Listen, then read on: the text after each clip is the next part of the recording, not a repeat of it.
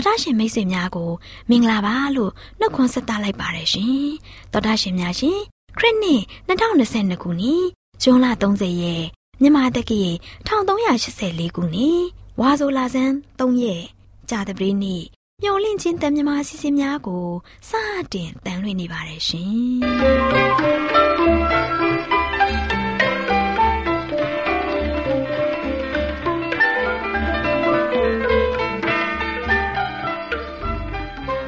တော်တာရှင်များခင်ဗျာမျောလင့်ချင်းအတန်မြန်မာအစီအစဉ်ကိုနက်နက်6နိုင်မိနစ်30မှ9နိုင်အထိစကြောင်းမီတာ kHz တစ်ခွန်ခွန်23ညညပိုင်း9နိုင်မှ9နိုင်မိနစ်30အထိ25မီတာ kHz 11943ညမှအတန်လွှင့်ပေးနေပါတယ်ခင်ဗျာဒီကနေ့ကြာသပတေးနေ့မှာထုတ်လွှင့်ပေးမယ့်အစီအစဉ်တွေကပျော်ရွှင်ချမ်းမာခရိယန်သာသနာအစီအစဉ်စံပြအိမ်အောင်ရေးအစီအစဉ်အစာအာဟာရဆိုင်ရာအကြံပေးချက်အစီအစဉ်တို့ဖြစ်ပါတယ်ရှင်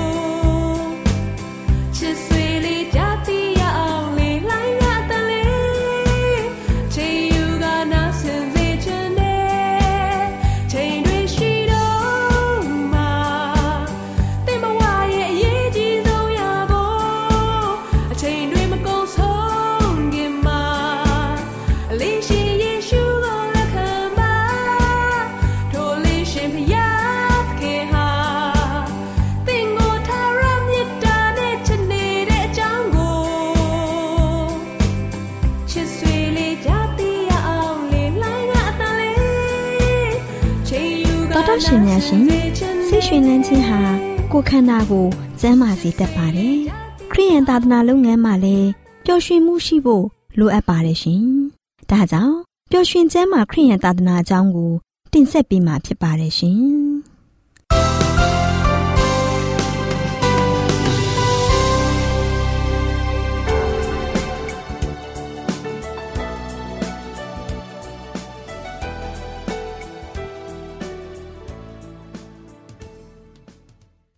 မင်္ဂလာပေါင်းနဲ့ပြည့်ဝနေတဲ့ခုလိုချိန်မှာတောတရှင်များကို မင်္ဂလာပါလို့ဥစွာနှုတ်ခွန်းဆက်သလိုက်ပါတယ်ရှင်တောတရှင်များရှင်ဝိညာဉ်တော်စာပေဆိုတာလူမျိုးတိုင်းအဆင့်တန်မရွေးပဲကျမ်းမာရေးလူမှုရေးပညာရေးဘာသာရေးတိုးတက်မြင့်မားရေးအတွက်လမ်းညွှန်သွန်သင်ပေးနိုင်တဲ့အမွန်မြတ်ဆုံးစာပေလို့ပြောနိုင်ပါတယ်ရှင်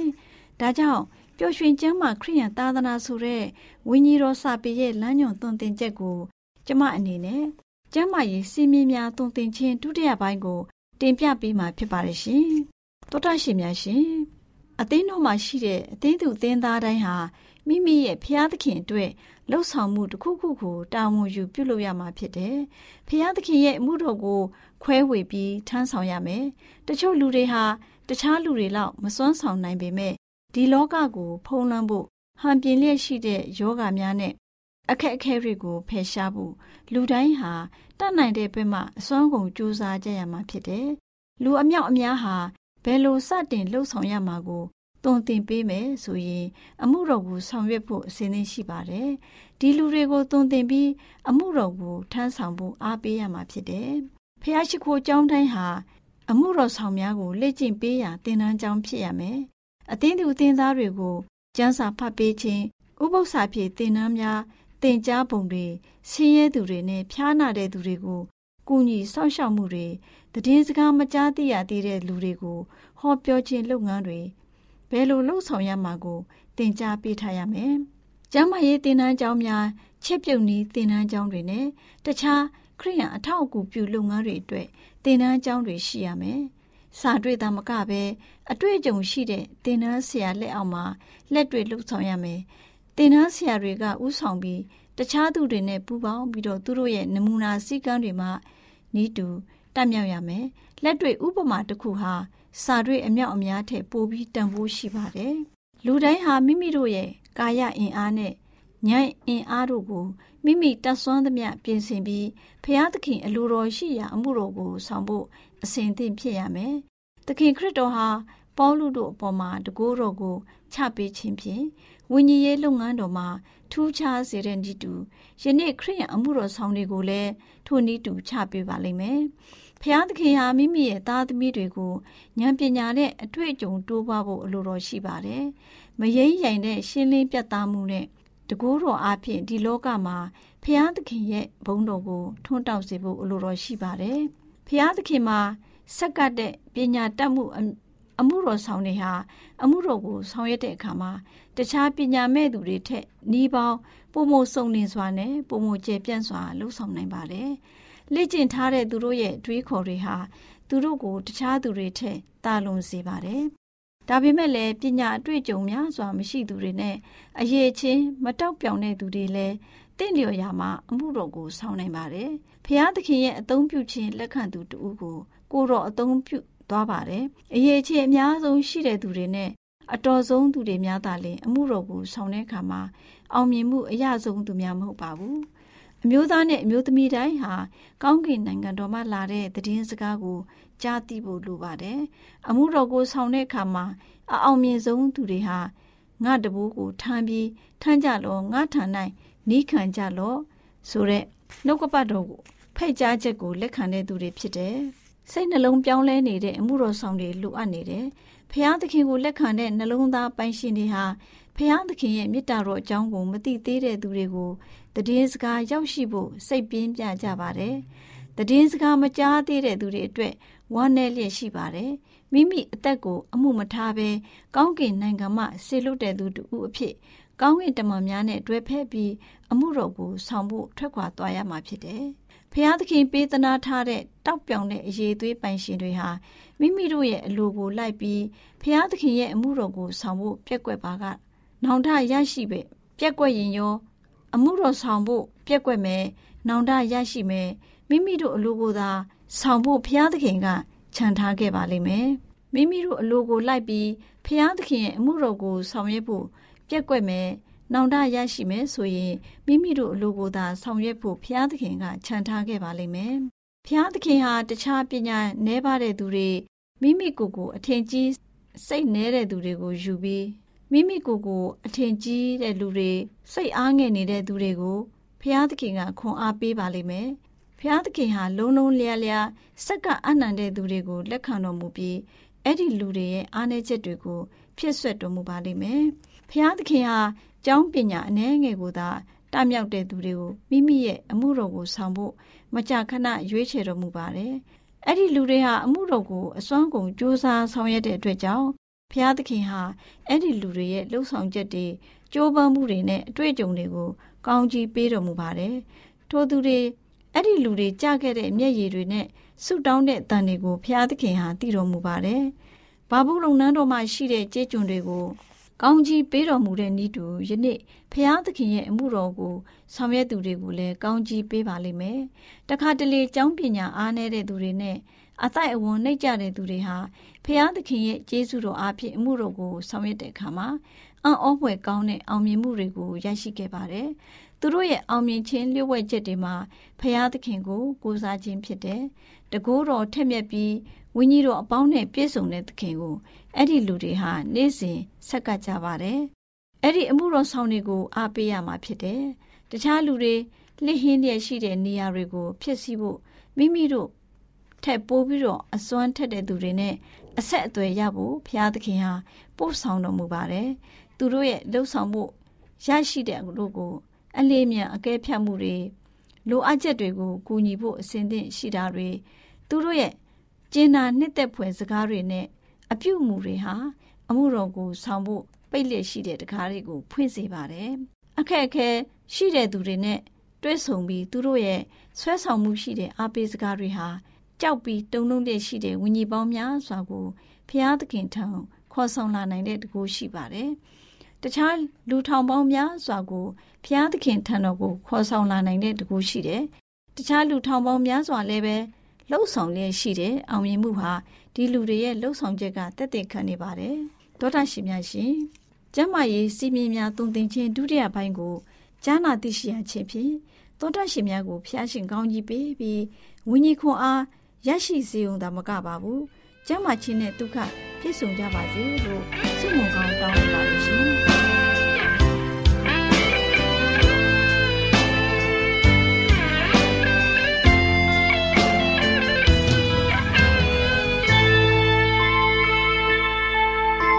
င်ထိတ်ကစီသောစံရည်လီလာသူမြတ်တရားရင်တဲ့ကညွန်နွမ်းသောကမိတွေစေကြောပြီလေမောင်မိုင်းချင်းများနဲ့လမ်းပြောင်းနေသောမာရင်တွေတွေ့ပုံပေးခဲ့သူရဲ့ချစ်ချင်းမြတ်တာနိုင်လို့မမီဘူးဆိုပြေစွာရာရာတိုင်းလင်းလဲစေခဲ့ဝန်လေးသောသူများနေကြသူများချမ်းသာစေပြီးယုံကြည်ပါ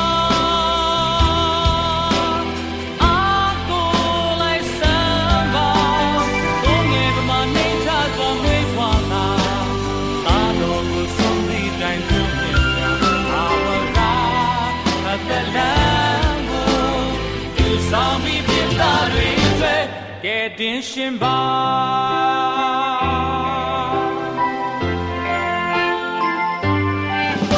ဆုံးလောထားခဲ့သူမြတ်တာပြဆုံးသတ်တော်ဘူးလိုအပ်ခြင်းများလည်းကင်းမဲ့ခဲ့ပြီးပြေဝနေပြီ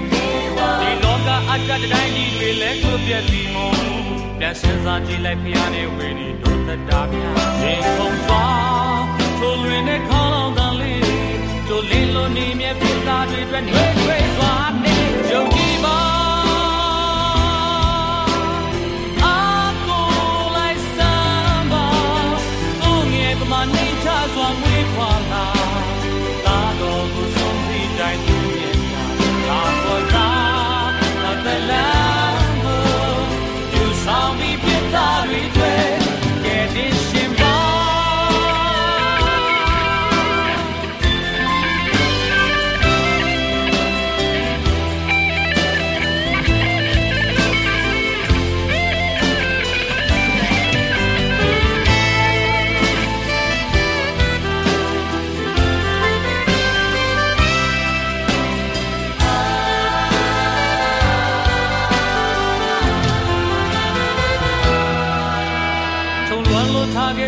တာပြဆုံးမတတ်တော်မူ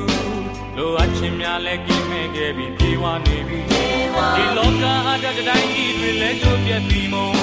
ပြန်စင်စားကြည့်လိုက်ပြရတဲ့ဝေနေတို့သက်တာများရင်ခုန်စွာထိုလွင်တဲ့ခေါလုံးတန်လေးတို့လင်းလို့နေမြဲတော်တာရှင်ဓမ္မမိတ်ဆွေများရှင်လန်းချမ်းမြေတော်မူကြပါစေတော်တာရှင်များခင်ဗျာယခုကျွန်တော်တို့ကြားနာရမယ့်သတင်းစကားရဲ့ခေါင်းစဉ်လေးကတော့နေအိမ်တွင်း၌၎င်း အပြင်၌၎င်းမေတ္တာဓာတ်ကိုပေါ်ကျွေပါစေဆိုတဲ့ခေါင်းစဉ်လေးပဲဖြစ်ပါတယ်ရှေးဥစွာကျမ်းစာတော်မြတ်ကိုနှလုံးသွင်းကြပါစို့တတလုံးနဲ့ဩဝါဒစာပထမဆောင်ခန်းကြီး3အငယ်7နှစ်7နှစ်သင်တို့ရှိရသောငါသွားရလမ်းကိုငါတို့အဘတီးဟုသောဖျားသခင်နဲ့ငါတို့သခင်ယေရှုခရစ်သည်ပြင်ဆင်တော်မူပါစေသောငါတို့သည်သင်တို့ကိုချစ်တဲ့ကဲ့သို့သင်တို့သည်အချင်းချင်းကို၎င်းသူတစ်ပါးအပေါင်းတို့ကို၎င်းချစ်၍ ချစ်ချင်းမေတ္တာနှင့်အထူးသဖြင့်ကြွယ်ဝပြည့်စုံမည်အကြောင်းသခင်ဖျားပြုတော်မူပါစေသောသာသနာပြုအမှုကိုနေအိမ်မှာပြည်စည်းစေရပါမယ်ဒီနေရာမှာခရစ်တော်ကိုယပ်ပြီးကြတဲ့သူတွေဟာသူတို့အပေါ်ကျေးဇူးတော်ဘယ်လိုပြုခဲ့တာကိုပြသကြရပါမယ်ခရစ်တော်မှာအမှန်ကန်ယုံကြည်ကြတဲ့သူတွေဟာဖျားသခင်ရဲ့လွှမ်းမိုးခြင်းကထိန်ချုပ်နေပါတယ်။ဒီလွှမ်းမိုးခြင်းဟာ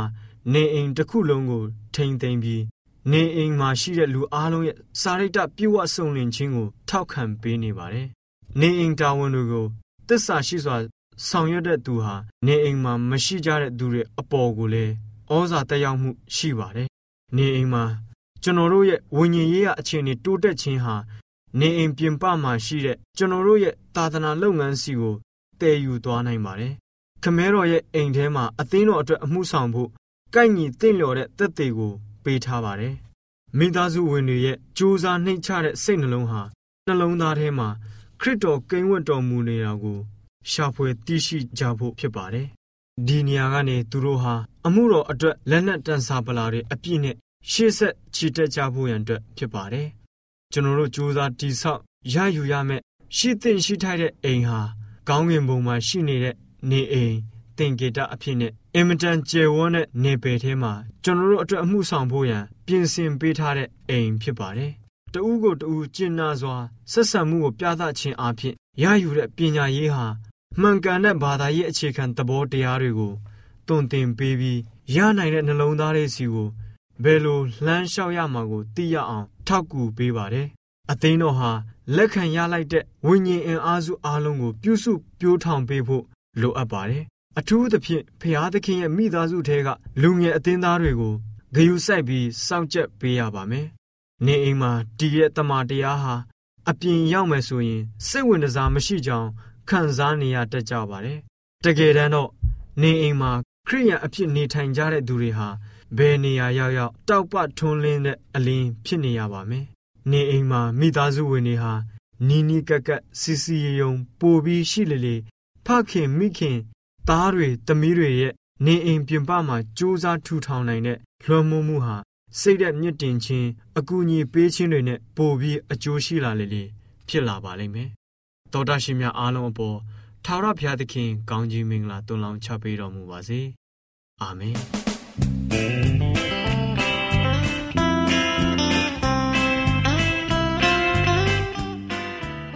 တောတရှင်မိတ်ဆွေများရှင်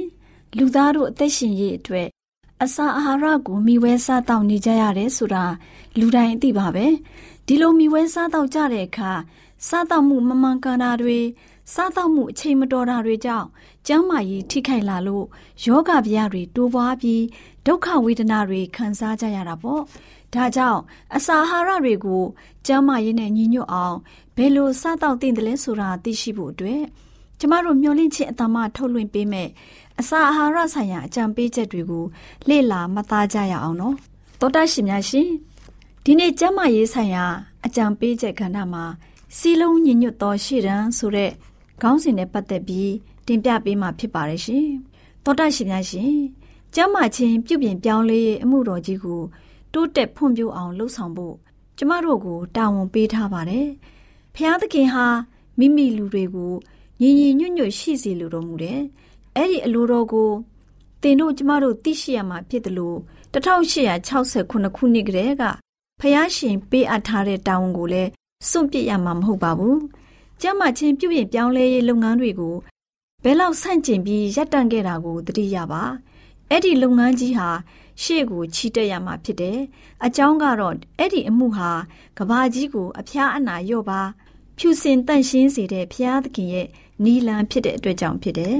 အချင်းချင်းကွဲပြားခြားနားအောင်လှုပ်ဆောင်နေသူတူဖြစ်မှာဆိုတဲ့အတွက်တင်ရဲ့သဘောထားကိုဂရုစိုက်ရမှာဖြစ်တယ်။ကျမရေးစီးမြင်းတွေကိုလိုက်လျှောက်ခြင်းအပြင်ရရှိမဲ့ကောင်းကြီးမင်္ဂလာတွေကိုတင်တို့ရဲ့မိသားစုထံကိုတည်ယူဆောင်လာဖို့ပြက်ကွက်နေတဲ့အချိန်မှာဒီကိစ္စနဲ့ပတ်သက်ပြီးဖျားသခင်ပေးတော်မူတဲ့အလင်းတရားကိုဆန့်ကျင်ခြင်းအပြင်လူအများကိုမထိခိုက်ပါစေနဲ့။ထာဝရဘုရားသခင်ဟာကျမ်းမာရေးပြုပြင်ပြောင်းလဲရေးဆိုင်ရာသတင်းစကားတွေကို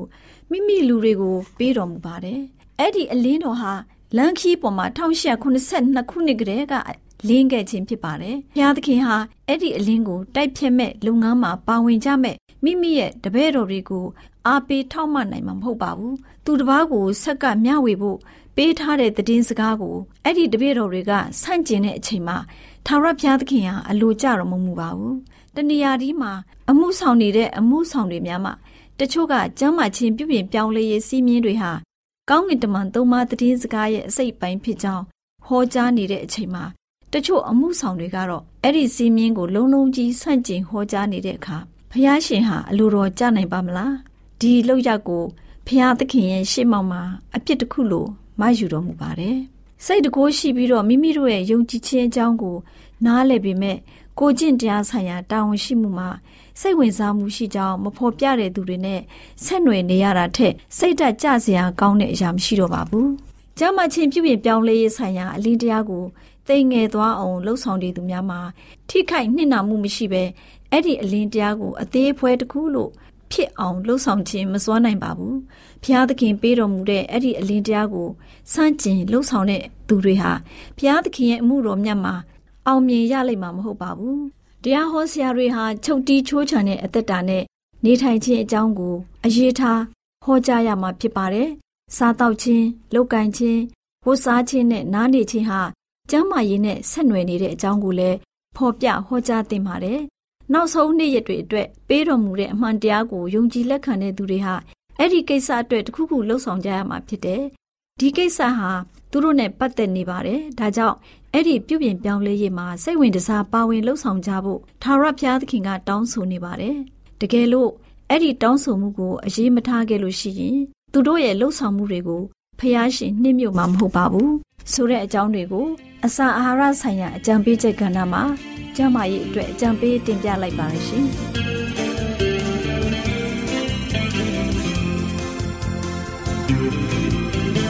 လူတူတယောက်ရဲ့အားနေချက်ကိုကဲရဲ့ပြင်လာလူတူတယောက်ရဲ့အမားတစ်ခုအတွက်နဲ့ဒီချီနာမလာစဉ်းစားပါသင်သည်လဲတဲ့ဖြူစင်သလားသင်ရဲ့ဘဝမှာဘယ်သူကများအဖြစ်နဲ့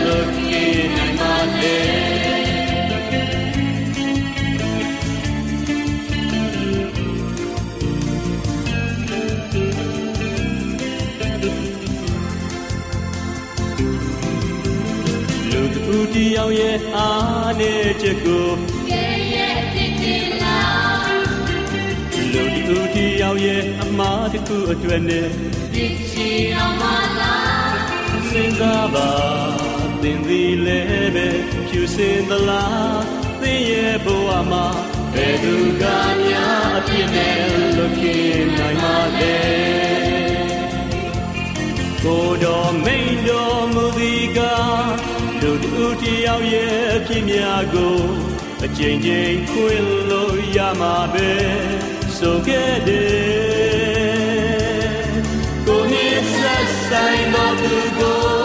စင်သာခွင့်လို့တတ်ခဲ့ရင်သင်သည်လည်းပဲပြလို့ချင်းကိုခံရ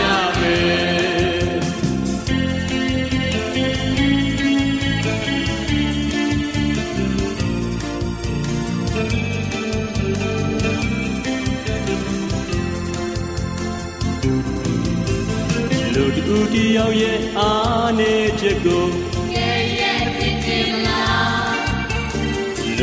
တယောက်ရဲ့အမားတစ်ခုအတွက်နဲ့ဒီချီတော်မလား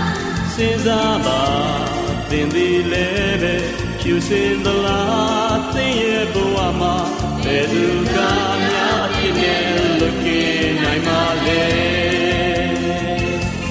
ကိုတော်မိန်တော်မူသည်က လူတူတယောက်ရဲ့ပြင်းများကိုအကြိမ်ကြိမ်ဖွင့်လို့ရမှာပဲဆိုခဲ့တယ်ကိုနေဆက်ဆိုင်တော့သူကိုအစင်သာခွင့်လို့တက်ခဲ့ရင်ဗုဒ္ဓရှင်များရှင်ကျမတို့ရဲ့ဗျာဒိတ်တော်စာပေးစာယူသင်တန်းဌာနမှာအောက်ပါသင်တန်းများကိုပို့ချပေးလျက်ရှိပါတယ်ရှင်သင်တန်းများမှာစိတ်ဓာတ်ဒုက္ခရှာဖွေခြင်း ခရစ်တော်၏အသက်တာနှင့်တုန်တင်ချက်များတဘာဝတရားဤဆရာဝန်ရှိပါကျမ်းမာခြင်းနှင့်အသက်ရှည်ခြင်းသင်နှင့်သင်ကျမ်းမာရေးရှားဖွေတွေ့ရှိခြင်းလမ်းညွန်သင်ခန်းစာများဖြစ်ပါရဲ့ရှင်သင်တန်းအလုံးဟာအခမဲ့သင်တန်းတွေဖြစ်ပါတယ်ဖြစ်ဆိုပြီးတဲ့သူတိုင်းကိုဂုံပြုလွှာချီးမြှင့်ပေးမှာဖြစ်ပါရဲ့ရှင်တော်တာရှင်များခင်ဗျာဗျာတိတော်အတန်းစာပေးစာယူဌာနကိုဆက်သွယ်ခြင်းနဲ့ဆိုရင်တော့ဆက်သွယ်ရမယ့်ဖုန်းနံပါတ်ကတော့39 656 296 336နဲ့39 98 316 694ကိုဆက်သွင်းနိုင်ပါတယ်။ဓာတ်တော်အတန်းစာပေးစာဥထာဏာကိုအီးမေးလ်နဲ့ဆက်သွယ်ခြင်းနဲ့ဆိုရင်တော့ l a l r a w n g b a w l a @gmail.com ကိုဆက်သွင်းနိုင်ပါတယ်။ဓာတ်တော်အတန်းစာပေးစာဥထာဏာကို Facebook နဲ့ဆက်သွယ်ခြင်းနဲ့ဆိုရင်တော့ S O E S A N D A R Facebook အကောင့်မှာ ဆက်သွင်းနိုင်ပါတယ်။ AWR မျော်လင့်ခြင်းအတန်ကိုအားပေးနေတယ်တော်တာရှင်များရှင်မျော်လင့်ခြင်းအတန်မှာအကြောင်းအရာတွေကိုပုံမသိရှိပြီးဖုန်းနဲ့ဆက်သွယ်လိုပါက39ကို2939 3926ခွန်45နောက်ထပ်ဖုန်းတစ်လုံးအနေနဲ့39ကို688 664 48ခွန်ကိုဆက်သွယ်နိုင်ပါတယ်ရှင် AWR မျော်လင့်ခြင်းအတန်ကိုအားပေးနေတဲ့တောတာရှင်များခင်ဗျာမျော်လင့်ခြင်းအတန်ကအကြောင်းအရာတွေကို ပုံမသိရှိလိုပြီးတော့ဖုန်းနဲ့ဆက်သွယ်လို့မယ်ဆိုရင်တော့39 253 326ခွန်45နဲ့39 688 464 48ခွန်ကိုဆက်သွင်းနိုင်ပါတယ်။သောတာရှင်များရှင် KSTA အာကခွန်ကျွန်းမှာ AWR မျိုးလင့်ချင်းအတံမြန်မာအစီအစဉ်များကိုအတံလွှင့်ခဲ့ခြင်းဖြစ်ပါတယ်ရှင်။ AWR မျိုးလင့်ချင်းအတံကို နာတော်တာဆင် gay ကြတော့တောတာရှင်အရောက်တိုင်းပေါ်မှာဖျားသခင်ရဲ့ကြွယ်ဝစွာသောကောင်းကြီးမင်္ဂလာတက်ရောက်ပါစေကိုစိတ်နှဖျားကျမ်းမာရွှင်လန်းကြပါစေကျေးဇူးတင်ပါတယ်ခင်ဗျာ